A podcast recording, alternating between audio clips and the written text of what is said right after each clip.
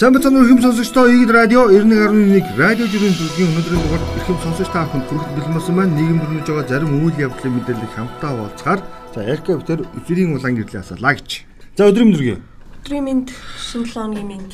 За нэрийн шинэ 7 өнөг болж болов. Тийм шүү дээ. Энэ 7 өнөг ч одоо бүр амарсаар шиг болох юм шүү дээ. Энэ 7 өнөг чинь бас дундуур амралтаа тий. Олон улсын эмэгтэйчүүд эрхийг хамгаалах өдрөөр бас нэг амарна Тэгээд нэг 2-7 хоногийн дараа дахиад сурагчдын амралт эхэлнэ. За за за за за тэр явах. За тийм нэгэн амралтын тухай ярьж байгаа юм чинь бид бас ялангуяа монголчууд маань гадагшаа их зорчих дуртай болчихсон. Тэгээд монголчууд гадагшаа хаашаа явдаг вэ гэдэг мэдээлэлтэй уялдаад би энэ Агима Жанчив Дорж гэдэг нөхрийн жиргэг онцлог гэсэн.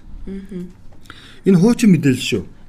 Монгол улсын иргэд 23 онд визгүй аялах орнууд гэдэг нэг юм тоо тавьсан байна. Ерөнхийдөө бол ингээд Аргентинаас эхлүүлээд Перу хүртэлх маш энгийнээр тайлбарлавал хуучин социалист орнуудын жигсаалтанд байсан орнууд төлхөө байж байгаа юм чинь. За үүн дээр бол нэлээд хэдэн орн нэмэгдсэн. За тэгвэл Монгол улс 23, 24, 25 онуудыг за аялал жуулчлалыг дэмжих жил болгон зарлсантай холбоотойгоор яг бид нар ингээд одоо энэ хилэгдсэн буюу Агимагийн бичсэн 23 орн дээр нэмээд За 14 орн нэмэгдсэн ба. Бид өөр өөрсдөө визгүй зорчих боломжтой. За харин нөгөө талдаа бид бас юуг сонирхох ёстой вэ? Мартаж болохгүй вэ гэвэл Европын холбооны 34 улс Монгол улс руу виз мэдүүлгөө болж байгаа юм бэл. Вау. Энэ жилээс. Нэг сарын 1-ээс эхэлсэн шүү. Тэр маш олон хүн мдээгүй байлаа. Тэгээд нүг яг тэр аялал жуулчлалын оператор компаниуд Европын улсуудыг харилцдаг. Тэгээд нүг тухайн улсад жуулчин урих гэхээр виз за багада 30 хоногийн өмнө мэдүүлдэг тийм үү. Тэгсэн чинь энийг энэ журам бол үгүй болчихсон. Ялангуяа оператор компаниуд хэлэх гээд. Европын холбооны за 34 улс бидэн рүү за визгүй ирэх юм билээ шүү 30 хоног. Аялал жуулчлалын зөрчмөр. Энэ маш чухал мэдээ гэж онцлох гэдэг. Тэгээ хамгийн гол нь бид нар өөрөөсөө явах нь бол нэг хэрэг тийм үү. А гэхдээ гаднаас ирэх хүмүүстэй Бас яг энэ асуудлаа бас маш нэлээд болох хэрэгтэй байна. Мэдээлэл аягүй сайн түгэх хэрэгтэй. Тэгвэл маш олон гадны иргэд за Монгол руу явахын тулд виз юу яах вэ гэдэг асуудлыг асуух юм бэл. Монголыг тойрол аялаад идэг. Одоо хятадын нэлээд олон бүсээр тэгээ Малай, Сингапур ч гэдэг юм уу те. Эдгээр орнууд руу Европын улсууд визгүй зорчдог хэрнээ Монгол руу ганцхан ирэх гэхээр аягүй сайн зөв хятад Орос хоёр руу визгүй зорчдог, Монгол руу визтэй зорчдог ийм орнууд байгаа. Европ дотор. Тэгээ эдгээр орнуудаа бас сайхан мэдээлэл төгөө гэж өгөөч ээ гэж. Тэгэх юм бол тэр орны жуулч чинь бас маад ирэн шүү гэдгийг бас хэлэх гээд байгаа. За тэгвэл өмнө хараас би Эрдэнэ сайхны жиргэг онцлно. Эрдэнэ сайхан юу гэж хэлсэн бэ гэхээр ерөөсөө энэ нэг улс үндэстэн болгон байдаг нэг юм заншил байгаа. За. Тэр заншлаа бид нар яаж төвлөржүүлэх вэ буюу өөрөөр хэлэх юм бол цэвэрхэн хийх вэ гэдэг юм нэг бас бодмоор байна. Хөшийн дөчийн усны буудал баригдаад Японы за ингээд тодорхой компани менежментээр хөгжүүлнэ гэдэг юм гэрээтэй явж байгаа концесси гэрээр те. Тэгээ харамсалтай нь тухайн үедээ бол буудал нэгдэх үед Монгол улсын за нисгуудлын захиргаа гэх юм уу да те. Тэндээс нэг сүү үргөх цэг гэдгийг байгуулсан юм байна. Байгуулж өгсөн юм байна. Тэгээ твиттер орчин маш их бичигдсэн мэдээлэл байна. Тэгсэн чинь манайхан тэр сүү үргөх цэг дээр нэрсээ очтгүй юм байна. Тэгээд нөгөө онгоц хөрөх талбайг хардах үз болох үз явгууны зам автомашины замууд дээр сүүгүр зогсдог. Тэгээ тэр нүг үзэгдэх байдал буюу гаднаас ирсэн жуулчид яг тэр замыг нь дайрж өнгөрт юм. Тэр нөгөө л нэг юм мэдэндээ тэр нэг гандангийн нөгөө нэг юунууд гэдэг чинь ингээл сүү цацал идэ бодоо өргөцсөн шиг тим цэг айгүйх болчихжээ гэж. Харин тийм. Тэгээ сүулдэ өнөр орчдөг юм байл. Эрдэнэ сайхан юу гэсэн хэрэг онгоцны буудлаар сүү өргөх тал дээр нэг үг дурдъя, дуулгая. Би заримдаа чухал гэсэн ажил хийх юм зарим нэг юмыг өөрийн санаанд таарлахгүй бол болдоггүй. Тэр нэг төрлийн OCD байх. Настай ч юм уу, шүтлэгтэй ч юм уу, тиймэрхүү хүмүүс сүү өргөхгүй бол болохгүй сэтгэл төвшин байж чаддаггүй. Тэгэхээр гэж. Тэр тэр сэтгэлгээнд тааруулаад ер нь уус үндэстэн болгонд нэг тийм мухарс үг гэдэг шүү дээ байгаа шүү дээ. Тэр бол хуу хүний өөрийнх нь нөгөө нэг уус өмцтийнх нь өөрийнх нь тийм салгаж болдоггүй нэг тийм хим маяг байхгүй. Тэг бид нар уулын тэрэндээ таарлаад цэг байгуулсан. Тэр цэг дээр нь очиж сурч яалж хэлэх гээд. Дүүс энийг бол сүү бити өргөж гэж юусоо хэлэхгүй. Сүү өргөхгүй бол зүүн ясны асуудал. А харин нүг цэгийн байгуулад өгсөн байхад тэр цэг дээр нь очиж сурчмаар байна л гэж би хэлгээд. Тэгэхгүй бол одоо ерөөсөө ингээл гадна дотны очиж ирдэг яг зам дээр нь л өө манайх сүүгөрөө зогсож. Нэг удаагийн аянд яг хав нэг авах юм нь өргөсөн сүүнийхээ хог савыг тий өргөсөн сүүнийхээ аяг тагшийг бариад буцдаг болсон. Энэ бол сайн тал. А тэгвэл одоо тэгвэл 20 дугаар ангийн юу вэ гэхээр нөө цэг дээр нь очиж үрдэг байя. Тэр нэг тийм хэцүү асуудал биш. Хүнээс тийм өндөр зардал гараад ах зүйл биш. Бид нар энийг бас жоохон бодохгүй бол болохгүй байна. Тэгэхээр энэ өөрөө нүг улс үндэстнээ бас соёлтой байлгах гэж байгаа бас нөгөө нэг өөрийнх нь хэв маягийг хадгалж байгаа хэлбэр нь эргээд бас нэг бохир заваан руу ингээд түлхээд идэм болов гэж би хэлэх гээд байгаа байхгүй. Бодмор гоц. Yes. За, энэний араас миний нэг оруулах энгийн бөгөө товчхон жиргээ энэ гэж байна. Мөнх эрдэнэ жиргсэн аа хотын даргын хуулийн зөвлөлөө юм чинь. Хууль эрх зүйн хэлцээний дарга лөө энэ хурж иргсэн. Тэгээ энэ хурж ирэхдээ Эрдэнэ сайхан гэдэг хүний жиргэг онцлсан байна. Нэг үе бодвол сургуулийн орчин их гоё болсон. Дотор нь орж үзээгүйч гаднаасаа бол дажгүй санагдаж байгаамаа. Гадаа их том талбайтай юм байна. Хүүхдүүдийн шуган сэтгэлд их баясаж суулаа гэд. Сургуулийн орчин ингээд цемэнтлээд те ерөөхдөө бол ингээд үзэгдэх байдлаас бол нилээн ингээд эмх зэгцтэй харагдаж байгаа. Тэгээ ил задгаа хоогоо байхгүй.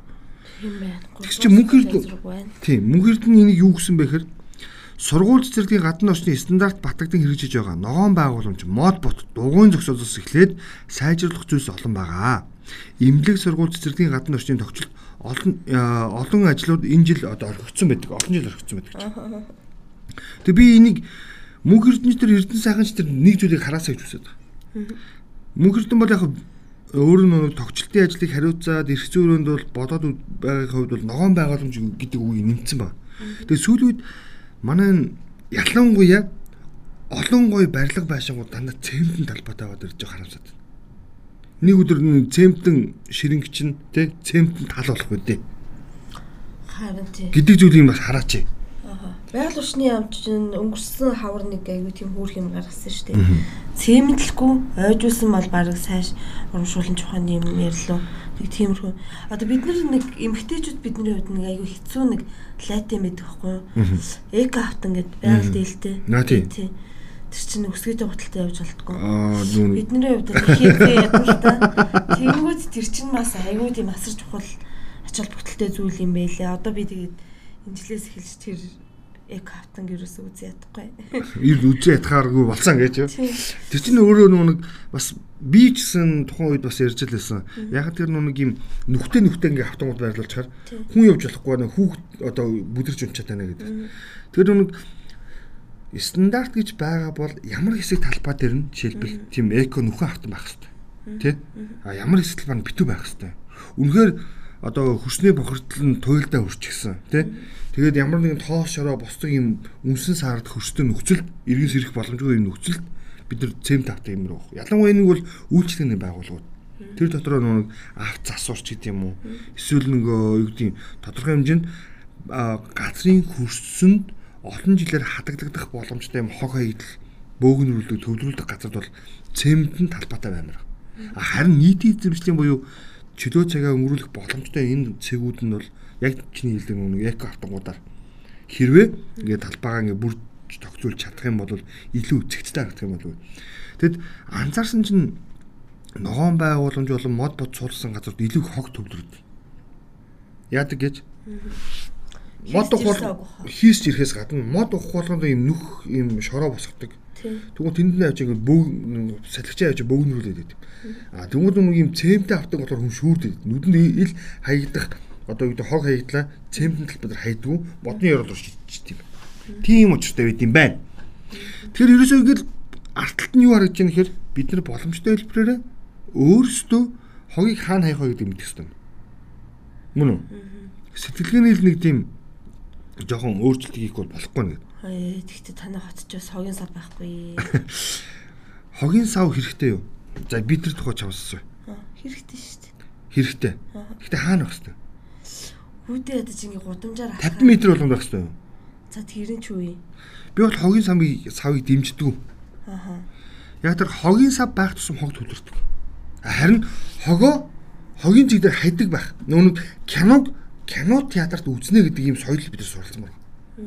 Аль болох үнгүй юм очиж үзчих гээд байхаас илүүтэй өөрөө зорж ич үздэг байхдаа яг адилхан баггүй. Маш энгийнээр тайлбарлал хог хогийн сав буюу за ингээд тодорхой хэмжээнд одоо бий болсон хогийг хүний одоо юу гэдэг явдалтаа бий болсон хогийг 50 м тутамч гэдэг юм уу 50 100 м тутамч юм хогийн сав байршуулсаар шийднэ гэж үзвэл энэ өөрөө өрөөсөө л болох. Харин энийг эсэргээр нь эсэргээр нь тий чи ингээд чихэр идчихээ ч юм уу тамиг татчаа ч юм уу тий ямар н ундаа уучаад сава халааслаад явна. Тэгээд хогийн зэг дээр нь явж хаяа. Тэгэх юм бол хүн чинь үйлдвэрлэл хог хаях үйлдвэрлэл арай баг болно гэсэн үг юм байна. Хайсан ч хогийн зэг дээр л хогийн зэгтэй газар авчаа. За ингээд томоохон моолууд одоо дэлгүүр худалдааны төвд бий болчихсон, үйлсийн заалууд бий болчихсон. Тэгээ энэ чинь хүмүүс ингээд хогоо ширээд байхгүй гоостой. Яг шатны хажууд байгаа хогийн зэг дээр л хогоо хайж. Бусдаар бол кармалал явж болчлаа гоостой. Яг тэрнтэй адилхан хотоо бас гэж хармаар байгаа байхгүй. За ингээд явж хахад за автобусны буудлын тэр явдлыг хог байгаа да. Магадгүй зарим автобусны буудлыг хоггүй байх гэсэн. Би чи хоггүй гинэ хогийн зэггүй байх гэсэн. Тэгэх юм бол хүмүүс э, автобусны буудлууд дээр тамхины иш юу гэдэг ундаанаас бохны одоо гаднах гялгарууд хаяхгүй шүү дээ. Кармалаас урч. Гэ би бол ядчил автобусны буудлын дээр хогоосаа байгаасаа гэж боддог юм шүү. Байд нь шүү дээ. Гэ бас зарим бүгд биш байхгүй. За тэгвэл би энийг арай өөр байдлаар тайлбарлая. За А таргуудаж ирсэн. Уучлаарай. А таргуудаа юу гэсэн бэхээр ипотек зарцуулсан 5 их 80-ыг бүтнээр нь гэр хороолол зарцуулсан бол юу болох байсан бэ? За багаар бодоход газрыг нь худлаад авахд өдийд гэр хорооллын тал газрыг чөлөөлчгöd ямар л ямар төлөлтөөр хийж болоод сууж байхсан да. Орон сууцны за орон сууцны нийлүүлэлтэнд хит болох байсан бэ гэдгийг одоо ингэ бодоод үз гэж байгаа юм. Тийм үү? Харин Тэгтэл би нэг амар өргөдмөр та санаж байна би нэг оны өмнө төвцгээс хойш 4.6 км хийвэсэн шүү дээ тайм дээр. Тэгээл ээж ангууд ингээ урагшаа ангуул ингээл битүү байшин. Тэгэл хойшоо явбал ингээл зүгээр талбайгаас төв талбайгаас ингээ гараад километр гараа 2 км хүрэхгүй л ингээл гэр ороод хөтж байгаа байхгүй юу. Тэгэхээр арай л дэндүү төр зэсгтэй юм да энэ ч тоо нэр төв талбайгаас ядаж нэг 5 км-ийн арайд гэсэн ингээл барилгажуулж чадахгүй ийм л улсад ийм их баялагтай улсад ингэж юм үе амьдарч ирсэн л гэж бодож байгаа юм чинь. Тэгэхээр магадгүй энийг жижигээс эхлэе байлаа. 5 км радиус хогийн савгүй болчих юм бүгд. Тэгвэл яах вэ? Төсөөлөл үзтээ. Хүн хог хаяхгүй дээ. За хаяхгүй. Үнэхээр хаяхгүй. Тий хаяхгүй. За тэгэхдээ 2 км радиус гэр орол байгаа учраас хог хот бохирдолтой байна. Ингэж тэлэх хэрэгтэй байхгүй. Багаар жижигээс эхэлсэн. Харин. Ингээд юу гэдэг 2 км радиус гэр ороод ирэхээр нөгөө нэг болон тухай нэмэгдэнэ. За боли би ч гэсэн хашааны болонд очиод морь харна. Ийм л ойлголт байхгүй. Тийм шүү дээ. А тэгвэл 5 км радиуст магадгүй энэ нөхрийн бичиж байгаа ч юм тийм үү? Ипотекийн зээл рүү тэр хүмүүс өгч байгаа мөнгөө тий тогтчуулах юм уу тэр гэр орол руу шууд шилжүүлсэн болол хүмүүс шээгээ болчихно. Тийм шүү. Гамбайр шээгээ болчихно. Гамбайр хогоо хаях болчихно. Ерөөс энэ ойлголт байхгүй. Тэр жижигээс эхлэх бүр ингээд бүх юмыг л пат гэдээ авчираад нэг лего урж байгаа юм шиг тавьж болохгүй шүү дээ. Би бол тийч харж байгаа. Таны санал. Гэхдээ нэр тийм болохгүй юу гэсэн. За энд бас нэг амралтын өдрийн нэг тренд жиргэг бол ярих хэрэгтэй. За тийм. Имч дуурах дуурах уу тий? Тийм дуурах. За тэр нөхөр үндэсний олон нийтийн нийтийн телевизээр нэг нэвтрүүлэгт оролцоод юм өөрийнх нь нэвтрүүлэг би сайн мэдээгүй. Ерхэдөө бол ялангуяа хүйсийн чиг хандлага нэлийн ялгарлан гадуурхсан. Бас дээр нь нэмээд хувь хүний нууцад халтсан мэдээллийг олон нийтэд маш төгөөмөл хэлбэрээр бичсэн. Тийм болохоор би энэ дээр зөв нэг зүйл юм хэлэх гээд байна. Гонгорж ав гам батж ирсэн. За. Ирчүүд хоорондоо хүүхэн мүхэн өгзөг өнтер бол ярьдаг юм уу ярьдаг юм. Тэ? Гэхдээ өдийн насаллаа бэлэг эргэтний хэлбэр хэмжээ энтергээд баах юмуд ярмаарг байгаа. Тэ? Ийм эргүү юм ярьж хүмүүсийн тарих мэдрэлээр наадаж байхын оронд наад эмчээд дагахаа болчиход л болцоо. Болч штэ л гэж. Бас юм баг. Нэг нэгт энэ чинь хоёр өнцөг байгаа. Сонсох хүнээ сонсдог бай, харах хүнээ хардаг бай гэж хэлэх гэдэг. Хоёрдугаар бүх юм дээр очиод шаагилдгаа болиё. Гуравт энэ мэдээллийг засаж байгаа хүн өөрөө тийм үү? Жохон тийм мэрэгжлийн ёсчүүд зүйтэй мэдрэмжтэй баймаар. Тэгэхгүй бол эн чинь нийгэмч өөрөө хүнд байгаа шүү дээ. бас нэг тоддох зүйл яг энэ дэр би гонгорж авын Ганбатын жиргэн дээр зөв нэг зүйлийг л онцлогч хэлмээр санагдаад байгаа. Яг ерөнхийдөө бол өнөөдөр бол Монгол сэтгүүл зөө буюу орчин цагийн хэвлэл мэдээлэлд өдөр тутмын сонин хэвлэл гэдэг зүйл бий болоод 110 жилийг үдэж байгаа он өдөр. Тэгээ энэ өдөртэй холбоотой нэг л зүйлийг бид нар баяр гэхээс илүү нэг зүйлийг ухаараас гэж хараад байгаа. Юу гэхээр сэтгүүл зөв сэтгэгдэл гэдэг хоёр тусдаа зүйл шүү. Гэдгийг ядаж яалгаж салгаж шүүдэг болчих хэрэгтэй. Хоёрт манай хүлээж авч байгаа маса манай сэтгүүл зүгийнхээ өөртөө бэлдэж чадахгүй Яагаад бэлдэж чадахгүй нөр энэ бол сэтгүүлч эрдэнэжмийн бүтээл гэдгийг юм ойлгохгүй. Зүгээр л өөрөөсөө ийм штэ гэдэг юм чи нүг би нэг дээр нэг ярьжстай бид нар мэддэг юм а хүнээс нуудаг гэдэг яг тэрнтэй агар агаар нэг байхгүй. Учир шалтгааныг нь мэдэхгүй байжж асуудлыг ингэж бүхнийг мэдгчээр бас дайрах өөрөө утгагүй гэдэг тийм үү. Яг тэрнтэй адилхан сэтгүүл зүйн өөрөө тустай байя. Сэтгэл одоо юу гэдгийг илэрхийлэл сэтгэлээ одоо гарах өнцгүүд нь өөрөө өөрөө бас тустай. А тэгэхээр тэр сэтгэл одоо нийгмийн сэтгэл зүг сэтгүүл зүйн өөрөө ялгадаг баймар. Та нар юм штэ. Та нар ингэж мэдээлсэн болохоор бид нар ингэж аа үгүй байхгүй. Тэгэхээр нэг талдаа мэдээлэл хүргээд бодит хөршин дээр буухан нэг өөр хэрэг тэрнээс зөрүүтэй байх нь бас нэг өөр хэрэг. Гол нь нийгмийн сэтгэл зүйн өөрөө мэдээлэл зөв хүлээж авдаг баймар байна. Намайг ногоон гэж хэлэх юм бол хүн болго ногоон гэж дуурч болохгүй байхгүй. Окей. Шүүрддэг баймар байхгүй. Тийм үү? Бид нар манайхаа энэ мэдээлэлээр бол хангалттай сайн шүүрдсэн юм биш. Энэ дөр бол амар шүүрдсэн. Хүний эрхийн мэдрэмж. За чамд ямар юу вэ? За хотын стандарт ирсэн дээр хоёлаа чинь бас ярьлаа шүү дээ. За би лутагийн жиргэг онцлох гэсэн. За ингэсэн энэ хоёр намжилт орж нөө эдийн засагч Яармын шин нөхөн гарцны дээрх зам дээр суулт өгжээ. Баг дээр нь засгуул бүрд ордох үедээ гэсэн. Тэгсэн чинь лута манайхын хизээ нэг стандартын дагуу юм хийж сурнаа гэд. Тэгэл бидний болж байгаа гэсэн. За одоо нөгөө нэг амар осол мосол гараад байна. Энд чинь ингээл нөхөн гарц хийхгүй бол инглээ тэглээ гэсэн тий. Тэгсэн чинь нөгөөт нь баригдж эхлэнгүүтээ зүгээр суулт өгöd. Тийм үү? Тий. Гэхдээ энэ бол энэ хоёроо бол уусаа худлаа бичихгүй нь ойлгомжтой шүү дээ, тий. Яг мэдэж байна уу? Тий шүү дээ. Тэгэл айгуу сонин бүх юмд нэг муухай сэтгэлгүй хандах юм тий. Тэг айл айл талдал байдаг баг. Тэг би бол зүгээр хийж байгаа компани гэхээс илүү яг хилж байгаа хүнийх нь өнцөг нь аль талаас нь харсан юм болоо. Яг суулт гэж юу гэж хэлгээд байгаа юм бэ гэдгийг бас нэгдүгээр тооцоолчих хэрэгтэй баг. А хоёр за замын өөрийнх нь чанар гэдэг зүйл бид нар давхар ярих хэрэгтэй. Одоо манай замууд бол суур одоо газрын газар дээр л найдсан замууд бол их байгаа шүү дээ. За тэрийг мэддэг болчоод ялангуяа сүүлийн үед энэ замын компаниуд ялангуяа орон нутгийн энэ даваа гөөний замыг ерөөс очихаа болчихсон шүү дээ. Анзаарсан уу? Яг томоохон даваараа яваал ороод ирдэг тийм. Даваараа яваал ороод ирдэг. Тэнгуут ч ерөөсөө ингээл цагаан шороотой байгаа гэж. За арангаан цагаан даваан зам гэж юм бидэн тийм. Тэрэлжийн яг тэрэлзүүд авдаг төрөлжийн үрийн натлан даваа байж дандаа цагаан нар. Яа тэгэхээр өө байгалийн нэг нэг юм юу гэдүүлээ хөдөлгөөнтэй газар ч бас хожиж болдгоо юм аа. Бас хурган залгууз. Харуул ямар ч өнцөөр харж болно. За би бас нэг амралтын өдрийн нэг сонирхолтой жиргэг эндээс эхлүүлнэ. Телипро, Тулипро гэх юм уу да. Ийм хаягнаас жиргсэн нэг юм пивний зургийг ингээд тавьчихсан байсан. Тэгээ нөхөр юу гэсэн бэхээр Монголд өссөн үн буурдаггүй байтал импортын пиавнуудын үн хямдарсан байна. Монголоо алдсан бэ яасан? Тээврийн үн буурсан юм болов уу? Доллар хэвэндээ л ах юм. Аа.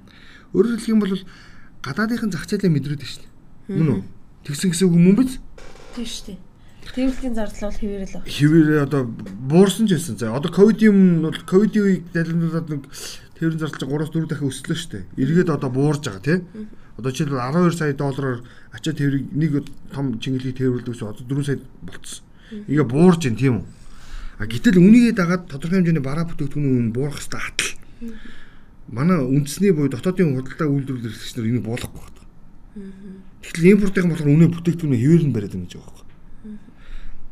За энийг нэг чи би за энийг жиргэг явуулчих дараа нь хэлээд. Sunshine жиргсэн байгаа. Sunshine. За. 90-ээс 15 саяар ачигдж байсан чингэлэг одоо 4 саяар ачигдж эхэлжээ. 8-ачта юмныхын үнийг буулгахгүй юм уу? Нэмж болсон. Одоо буулгаж болно үсттэй. Тийм а. Яагаад Монголд юмны үн өссөн шигэ бууж болдоггүй юм бэ? Харин тийм миний ерөөсөө дандаа гайхдаг юм.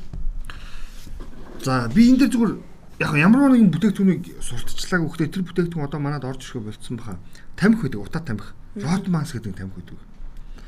Монголд яг э, зах зээлийн нийгэм рүү бид шилжээд худалдаа чөлөөтэй болж эхэлснээс хойш маш олон төрлийн утаа тамхи. Хуучин бол бид нар чинь Better Stewards Magna, Monte Carlo гэх ийм нэр төрлийн тамхи хэрэгэлдэг байлаа. Тэгсэн чинь тэрнтэй залгаад Mild 7 тэ Lucky Strike, Downhill За Rotmos гэх зарим буруу хэлж магадгүй ийм тамхинууд орж ирсэн. Тэр дотроос Rotmos гэдэг тамхины үн юу дандаа тогтвортой байсан. Бусад тамхи нь болохоор ингээд яг эрэлтэд дагаад ингээд өсөж уруудаа явж байдаг. Заримдаа нэг юу гэдэг юм 2 төгрөөр үнэлэгдэх юм бол нүүд зарим үед 3 төгрөөр үнэлэгдэх, зарим үед буцаад 2 төгрөөр болдог юм. Ингээ яваад байсан. Тэгсэн чинь Rotmos гэдэг тамхины үн 3 төгрөг хэврээл байгаа гэсэн. Би зүр жишээ бол төргийг бол жишээ болгож ярьж байгаа шүү. Ааха. Тэгсэн чинь аа Rotmos гэдэг тамхи нь өөрөө түүхэндээ тийм алдартай тамхи гинэ. Дэлхийн 1-р дайны үед бий болсон тамхи юм байна. Тэгээд тухайн үед тухайн тамхи үйлдвэрлэгч компани нь дайн болсон ч манай бүтээгдэхүүний үн өсөхгүй гэдэг юм алтан зарчимтай байсан. Дайн болоод тухайн бүтээгдэхүүн гарахтаа за юу гэдэг 1 доллараар гарцсан байлаа гэж бодъё л та. Тэгэхээр дайн болсон чинь бүх юмнууд ховордлоо гэж бүтээгдэхүүнүүдээ өсгсөн юм байна. Чинь 1 долларын тамхи 1 доллараар л гэсэн. Тэгээд дайны дараа бүх юм хямдарсан. 50 цент, 25 цент болоо бүгд юм. Ротмос дахиад 1 доллар хэврээл яваад байсан. Тэгээд тэгсэн чинь тэр Ротмосыг хэн хэрэгжилж исэн бэ гэхээр тухайн үед боломжтой буюу юм үнд ороход тийм үү? Одоо юу гэдэг жоох ухаантай хүмүүс ашигласан байгаа байхгүй. Чанарны хэврээ юм чинь өндөр үнэтэй юм чамрах хэрэггүй. Хэрэгэлдэг юм аа хэрэглэе. Гээ Ротмос авдаг гэсэн. Тэгээ бүх юм хямдарсан. Ротмос 1 доллараар хэврээл байсан. Тэгсэн чинь нөхдүүд Үгүй энэ чи сайн болол үлдсэн байгаа үстэй үнэн. Хэрэглэгчдийн өөрсдөндөө ихтэлтэй байгаа хөөх. Тэрнтэй адилхан манай тэгээд тэгмэр байгаа хөөх. Үнэхээр дотоодын зах зээлээ хамгаалъя гэж бол манай дотоодын үйлдвэрлэгч нар дотоодын импортлогч нар өөрсдөө бүтээгдэхүүнээ юмны хөөсөн дээр үн нэмдэг биш те. Өсөж чадсан шиг бууралдаг баймар байгаа хөөх. Ер нь Харин тийм тийм. Одоо жишээлбэл өнгөрсөн 7 хоногийн нөгөө нэг алтан дариг компани захирал Цэнгүн гэдэг нөхрийн том одоо мэдээлэл олон нийтийг анхаарлыг дээ. Би бүтээгдэхүүнийхээ үнийг килограмм тутамд 24-оор нэмнэ. Энэ бол би өөрөө сайн дураар нэмээгүй. Энэ бол төрөөс үзүүлж байгаа татрын хэмжээ өссөнтэй холбогдуулан нэмэгдэл юм гэж тайлбарсан. Татвар гэдэг нь юугаар илэрхийлж байгаа гэхээр торгуулийн хэмжээ. Тэгэхээр нийт бүтээгдэхүүнээр дотор нэлээд их хэмжээний татвар төлөх гэдэг чинь хэдэн тэрбумаар татвар төлнө аягүй тийм үү? За ингээд үйлдвэрлэсэн бүтээгдэхүүнээр татвар төлөлөө ирэхээр түүн чинь бүтээгдэхүүнийхээ алдагдлыг нөхөх буюу ашгаа бууруулах ямар ч зорилго нэг ч бизнесмен байхгүй. Тэгэхээр бүтээгдэхүүнөө нэмээд би ашгаа барина. Аа тэгээд зардлаа ингээд тодорхой хэмжээнд бариад явна гэдэг юм тооцоолё гэж. За магадгүй татварын хэмжээ буураад тий татварын хэмжээ буураач шүү. Тэгээ ингээд зах зээлийн маш олон өрсөлдөөндөө би болоо 4 5 хүн гурил үйлдвэрлэгч нараас хамаарахгүйгээр 10 20 үйлдвэрлэгч нартай болсон үед бид нар ямар зах зээл рүү орно гэж үн өрсөлдөх буюу хямдрах зах зээл рүү орно. Ийм л хуулийг ярьж шин. Мөн үү? Тэгэхээр бид нар бас энийг ботмоор байгаа байхгүй. Карго тээврийн хинж тэр Тийм шүү дээ. одоо санаж байгаа бол ийм жижигхэн хайрцгийг бид нар нэг 5000 төгрөг төлөө авдаг гэсэн бол одоо багада 10 15000 төгрөг төлөө авчих шин. Тэгээ хайрцаг юу байгаа нь чухал биш. Зүгээр л овор хэмжээгээс нь хамаарч бүтээгдэхүүний тээврийн зардал төлж байгаа шин. Тэгвэл тээврийн зардал үнэхээр 15 саяар авдаг байсан 4 сая болчихж байгаа юм болол тий? Энийг бид нар тэгвэл хэмжээнд харуулсан. За ийм хэмжээтэй бараа 5 доллараар ирдэг байсан бол одоо 15 доллараар ирж байна. Тэгээ буцаад хямдарсан бол буцаад 5 доллар болох ч л тоо. Тийм шүү дээ. Хэдүүл энэ шүү дээ. Барилгын үн амар өссөн санаж уу та? Хүмүүс барилгын материалын үн. Тэгээд э, худалдаачд юу тухайд юу гэж тайлбар хийжсэн бэ? Урдаа бол нөгөө гарааны үн өсөөгүй. За юу нэг худалдаж авдаг юаны мөнгөнд үн хэвээрээ. Тэгээ яагаад ингэ өндөр байгаа вэ гэхээр тэрвэлтийн зардлаас болж ингэж өндөр 2 3 дахин өсч байгаа гэдэг тайлбарыг хэлжсэн. Одоо яг тэр тайлбарлажсэн шиг үнэ тэгэл дахин бууруулах хэрэгтэй байхгүй тийм. За тэгвэл яг би энэ ганцхан юм хэлээ зөө. Яагаад аж ахуй нэгж хувь иргэн бизнес эрхлэгчдэр үнэ болохгүй байна гэсэн чинь гэж. Алтойг. X тайлан үүгүй бол торгоно гэдэг балаа юм одоо зогсоож болдоггүй юм? Үйл ажиллагаа явуулж эхлэхээр мэддэг байвал болоо штэ. Сар болгон өгч нь утгагүй ажиллагаа. Тэгээд торгоно. Ерхий сайдаа гэсэн. Өө наадах ч ёстой хамгийн юу. Одоо энэ нэг X тайлан гэдэг нь штэ. Бидний ерөөс ярьдаг юм штэ. Тийм штэ. Ашиг орлого нь тодорхой хэмжээнд бий болоод үйл ажиллагаанд тогтворчгоор татвар авах болчихлоо. Би Тэгэхгүйгээр компани байгуулагдсан цагаас эхлээд за татвар төлөөрэй. Чи мөнгө олох нь чухал биш. Чи улсын тэмдэгт ашиглаж байгаа учраас татвар төлөөрэй. одоо би одоогоос 3 4 жилийн өмнө 4 5 сая төгрөгийн өрөнд дунж байхгүй. Яасан гэсэн чи компани байгуулад X тайл өгөөгүй. Гэтэл нөгөөх нь дансчгүй компани. Дансаар үгүй данс нээлгсэн. нэг мөнгөний ч гүйлгээ яваагүй. Нэг мөнгөний ч гүйлгээ яваагүй. Тэгээд тийм ярьж байгаа байхгүй юу? Одоо энэ нь бол хിവэрэл ах. Тухайн үед бол би тэгэл анзаараагүй. Тий. Төлөөгүй тэгэл орхисон, хаягдсан одоо тэг юу болсон юм аа? Тэг энэ нөхцөл байдлыг зөвхөн бид нар харлаа л да. Аригийн жиргэл надад таалагдсан. Яг энэ нөхцөл байдал дээр уялдсан. Сонгуулийн ерөнхий ороо гих байгууллагыг үнэхээр их гайхт юм аа. Энэ газар чинь зөвхөн сонгуулийн үеэр л ажилдаг байгууллага юм уу? Яагаад сонгуульд бус жилээр сонгогчдын боловсролыг дээшлүүлэх ажлыг тогтмол хийж сонгогчдыг бэлтгэж болдоггүй юм бол. За би яагаад холбож ийн гэж? 24 онд сонгуул болох байхтай бодвол хуулиараа одоо мөрдөгж байгаа хуулиараа. Харин тий. Тэгээ энэ үед сонгогчдод ямар мэдээлэл хэрэгтэй хөр танд одоо тийм үү үйлдэлж байгаа татрын хууль танд одоо үйлдэлж байгаа зөрчлийн хууль таны бодолд одоо эдэлж байгаа хүний эрхийн одоо юу гэдэг нь боломжуудтай нь хэр байгаа вэ гэдгийг л одоо мэдээ ярьж ах хэрэгтэй байхгүй. Хэрэв энэ бодлогоч нь тань таалагдахгүй бол сонгуулийн ерөнхөөр өөрөө энэ хуулийн дээр хүмүүсийнхаа тий мэдээлэл энэ дээр нэг юм мэдээлдэг байх нэ дээр сурталчилдаг байх ийм дэр ажилламаар байна. Тэгэхэд сонгуулийн ерөнхиөрөө таг бачдаг ерөөсөө зүгээр л нэг юм санал өгөх байр зохион байгуулалт юм шиг л ажил. Тэгэхээр сонгуулийн ерөнхиөрөө сонгуулийн тухай хуулиар сурталчилна гэдэг маань та ямар үзэл баримталтай хүнийг тийм үү? Та ямар нийгмийг хүсэж байгааг одоо илэрхийлнэ үү гэдэг юм нийгмийн судалгаа явуулж байгаа юм. Энд чинь өөрөө сонгогчийн боловсролыг дээшлүүлэх маш өргөн юм чинь. Маш энгийнээр тайлбарлавал социалист нийгэм гэж юу юм? Нэг юм хичээл байна. Хоёрт капиталист нийгэм гэж юу юм? Нэг юм хичээл. Гуравт за ардчилсан нийгэм гэж юу юм? Дөрөвт татлагдаар буй дарангууллын тий одоо нэг хүний засаг гэж юу юм?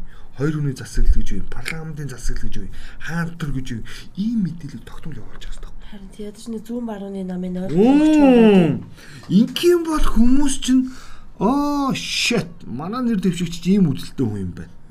Мм баялаг бүтээгийн тулд ийм эргэжтэй юм байна. Оо мөн биз ингэж явах хэрэгтэй байхгүй. Тий шүү дээ. Сонгогчдын яг зүгээр та бол их өргөн үрээгээр аваад байна. Би зөвхөн сонгогчдын нөгөө сонгуул өгөх боловсрал дээр яа Улсын хурлын хоёр ч сонгуул дээр би ажиглагчаар сууж байсан. Яг хөтэ тэр нь бас нэг тодорхой цалинтай очиж сууж байсан. Тэгээжсэн чинь нөгөө угсаал тоолон компьютер шүү дээ ажиглагч чинь. Асар өндөр боловсралгүй маш муу. Зүгээр энийг ингээд дүүргээ буучаарэ гэд хахад дугуулад зөв тэмдэглэгээ хийгээд тэг бүр хичнээн олон саналын уус хүчингү болсон гэж бодно. Тэгэл бүр харахаар нэр үнэхээр харамсмаар аа. Тэр сонгогчийн боловсрол гэдэг маань асар дорой юм бэл. асар дорой. Хоёрт юу сонгох гэж байгаа, ямар нийгэм хүсэж байгаа гэдгийг л ойлгох хэрэгтэй байхгүй. Тэгэхээр сонгуулийн ерөнхиөрөө юу хийх ёстой вэ гэхээр за дэлхийн түүхийг л ярих байхгүй. Хаан засаг бол ийм байдгийг. Парламентын засаг ийм байдгийг. Гүйцэтгэх засаг гэдэг чинь ийм гэдэг юмыг л ойлгох хэрэгтэй байхгүй. Харин.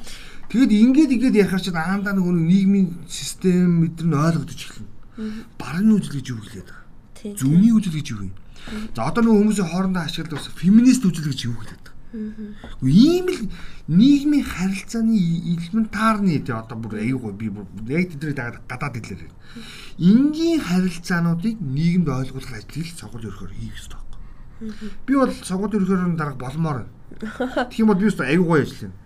За яг хөө хідэн байр зохион бол саналын харьцаг бол тийм чухал биш. Нь зүгээр нийгмийн сэтгэл зүй бид аль нийгэм рүү явах вэ гэдгийг тодорхойлдог байгууллага нь парламент биш. Сонгол өрхөөр байхгүй.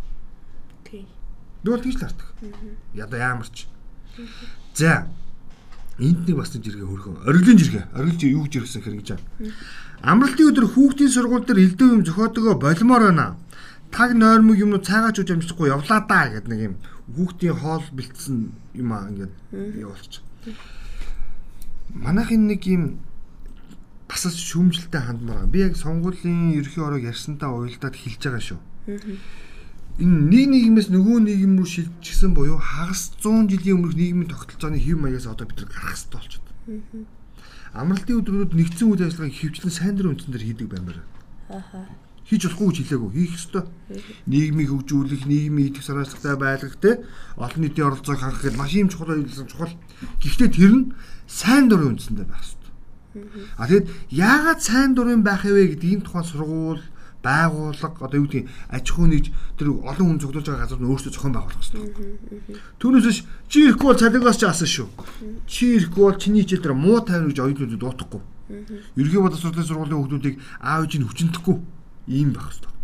Чи яагаад нийгэм тусдаа хөдөлмөр олон нийтийн үйл ажиллагаанд оролцох ёстой юм бэ гэдэг сэтгэл зүүн тэр бэлтгэлийг хангаж хэрэгтэй. Ажлын давуу тал. Тэрний дараа заавчлаараа танаа хүүхд ирээгүй учраас танаа хүүхд нийгмийн олон нийтийн тий оролцоонд одоо хамрагдаагүй учраас дараагийн юм үйл ажиллагаанд оролцохгүй байна гэдэг ийм энгийн бөгөөд зайлшгүй шаардлагатай юм аягаар бид орох хэрэгтэй байхгүй. Тэгвэл ирэхгүй бол оо бах бла бла бла бла бла бла баймиргүй. Тэгэхээр бид нар нэг одоо ардсан гэж өөрсдөө тодорхойлдог Америкийн нэгдсэн улс маш энгийнээр яал шийтгэлийн хамгийн энгийн үйлдвэр нийтэд тусдаа хөлбөр гэдэг шүү дээ. Нөгөө олон нийтийн буюу өөрсдөө вакуумжуулсан нөхдүүд аа ямарваа нэгэн нийгмийн хэв журмыг зөрчсөн үйл ажиллагаа явуулсан үйлдэл гаргасныхын төлөө олон нийтэд тусдаа хөлбөр эрхлэх хэлбэрээр өөрсдийнхөө үйл ажиллагааг юу гэдгийг олон нийтэд сурталчилдаг. Тэгэхээр та яагаад олон нийтийн үйл ажиллагаанд оролцох ёстой бэ гэж тэр хангаж өгч байгаа шүү дээ. Та тасарсан мундаг ухаанд нь тасарсан баян байж болно. Гэхдээ та нийгэмд өөрийгөө таниулахын тулд нийгмийн үйл ажиллагаанд оролцох оролцохгүй бол та хэн ч шийдгийг ойлгох ёстой байхгүй. Тэгэхгүй манайх бол хүчтэй гэдэг юм. Ойлгож байна уу? За, чи амралтын өдрөөр бас ийм ганц нэг юм байх ах уу? Гэхдээ байна. Харин яагаад байх ёстой вэ гэдгийг л ойлгох ёстой. Харин тий. Тэгэхгүй ингээд хүчээр явмааргүй байхгүй яг үүндээ. За, чиний нэг зэрэг. За, та энэ зургийг анзаарс. Энэ содоо ороод авсан хүчтэйд энэ нэг зураг амралтын өдрөөр нилээ явлаа. Нэг айл шуугаад тэгээд нэг зөрчлийн хуулиар хуулийн байгууллага тургуул гарах хэмжээ авсан юм байна. Тий, адилхан хүмүүстэй 102 дуудлага өгөөд торгуулаад авах шаардлага байдаг юм бах та. Анхруу цагдаа нар нэрж дарамтлна гэд. Тэгээ энийг хүмүүс бол янз бүрийн өнцгөр л хүлээж авч илээ л дээ. За нэг нэгдүгээр өнцгөн чиний хар. Яадгийн зүгээр нэг өөртөө хөөгдгүй хүмүүс энэ зожигдсон юмнууд бол ингээл нэг солиорж галзуурж байгаа юм гэдэг өмөрсөн тайлбар. Нэг үнцэг явж байна. За нөгөө талд бол за уучлаарай хүүхдээ та нар эрт дунтуулж амрах хэрэгтэй шүү Тийм, соёлын бас нэг хүмүүжлийн нэг юм байх хэвээр. Аа, гэдэг юм дээр ярьж байна. За, миний хувьд бол яг сүүлих дээр нь санал нэгдэж байна. Та хүүхдээ зөв хүмүүжлээ. Гэхдээ зөв хүмүүжүүлэх нь ч яах вэ? Тийм. Гэхдээ тэрийг нэг ачтай тустай талаас нь нэг жиргээ олж ирсэн. За. За, болдмоо гам болж ирсэн. Ингэж Монгол хүмүүсийн хөрөн мөнгө зарцуулахгүй хийж сурах зүйл бол хүүхдээ эрт унтуулах. Унтад сураагүй бидэнд сэрд сурах, суралцаж сурах ажиллаж сурах, цаг барих гэх мэт дадлууд хизээж хөвшдгүү. Ерөнхийдөө тархиа зөв чиглэл сурахгүй байх гэсэн үг. За энэ уянгагийн блогоос энэ нэг хідээс хідэн настай хүүхэд сартай хүүхдүүд нь яаж амрах тухайн зургийг олоод ирсэн байгаа. За би харагдаж байгаа. Энэ дээр чинь зүгээр нийлэн хэлмээр байна. Бид нар нэг хотод амьдарч байгаа гэдэг ойлгох хэрэгтэй байхгүй юу? Одоо нүүн миний нүүн яриа шүү заяа. Хагас 100 жилийн өмнөх хөдөө таал хээрээр дуртай үедээ орилж алж өөрлөлдүүлдэг гэдгийг хэвшлээ. Одоо хайцгаа гэсэн ойлголт. Таны ирэх бусд ирэхээр хязгаарлагдана. Харин тий. Бид нар суурин соёл руу суралцаад үндсэндээ нэг 70 жилийн үдэж байгаа хүмүүс. Мөн үү? За тийм ээ хотоо байгуулсан. Тий. 70 жилийн үдэж. Тэгэхээр дээд айл доод айл гэдэг юм та тэр дөрвөлжин худалдаж авсан квадратаа өөрөх гэж ойлгож болох нь зүүн эрг боловч эргэн тойрондоо та хүндгэлтэй хандах хэрэгтэй гэдэг л хэлбэр байхгүй. Тэрсэл энэ соёл. Тэр соёл ханаас оролцох хөр эхлээд бас энэ болдмоо гам болдон жиргэл байна л. Хүүхдээ хүмүүжил сураа гэдэг. Тэрнээс эхэлнэ. Чи хаана амьдарч байгаа гэдэг юм. Чи 0.7 гата хашаа хаш амьдарч байгаа бол орилж чарлажгүй шөнийн 4 цагт ч унтсан болно шүү дээ. Өөрөөр. А тийхгүй нийтээр амрах зорилттой байранд Би байрандаа байна, би гэртээ байна гэж ааш бас болохгүй. Харин тий орон сууц суралцах хэрэгтэй байхгүй. тий. Орон сууц гэдэг чинь ясэм дээр яг өөрийнх юм шиг боловч ясэм дээр өөр нийтийн л байр шүү. Нийтих штэ. Зүгээр л хан том байхгүй? Харин тий. За, цаг нийлээ явуулсан байна. Төсгөлд ганцхан жиргээ явчих тхөө. Богийн ганцхан жиргээ явуулаад дуусгач. Насаараа залуу харагдах хүсэл бас л хитрч өвчин шүү дээ гэж. Нөгөө гуашаагийн чинь би хариултыг нь аваад ирсэн. Өөрийгөө хөгшөрч байгаа хүлэн зөвшөөрөхгүй байгаа гэсэн үг штэ нэг талаараа. Эрүүл зөв хувь маягаар амьдарч ор багтай хэвэнжин галбиртай байхад л болдгийм.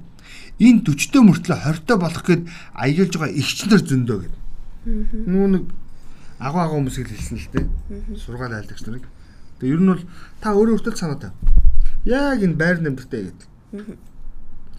Таны юм амьдралын хэв маяг тань өөрөө зөв байж чадах юм бол бусад атаарах шаардлага гарахгүй байх нь байна. Тэгээ бусдыг шүүмжлэх шаардлага гарахгүй байх нь байна. Та өөрийнхөө хэм хэмжээг мэдж байгаа бол эрүүл гой байхыг та өрөөсөө л үлдэрэл. Тэгэл бас бүх юм танд өөрт чи ямар л та. Биш ээ надаа бочлаарай.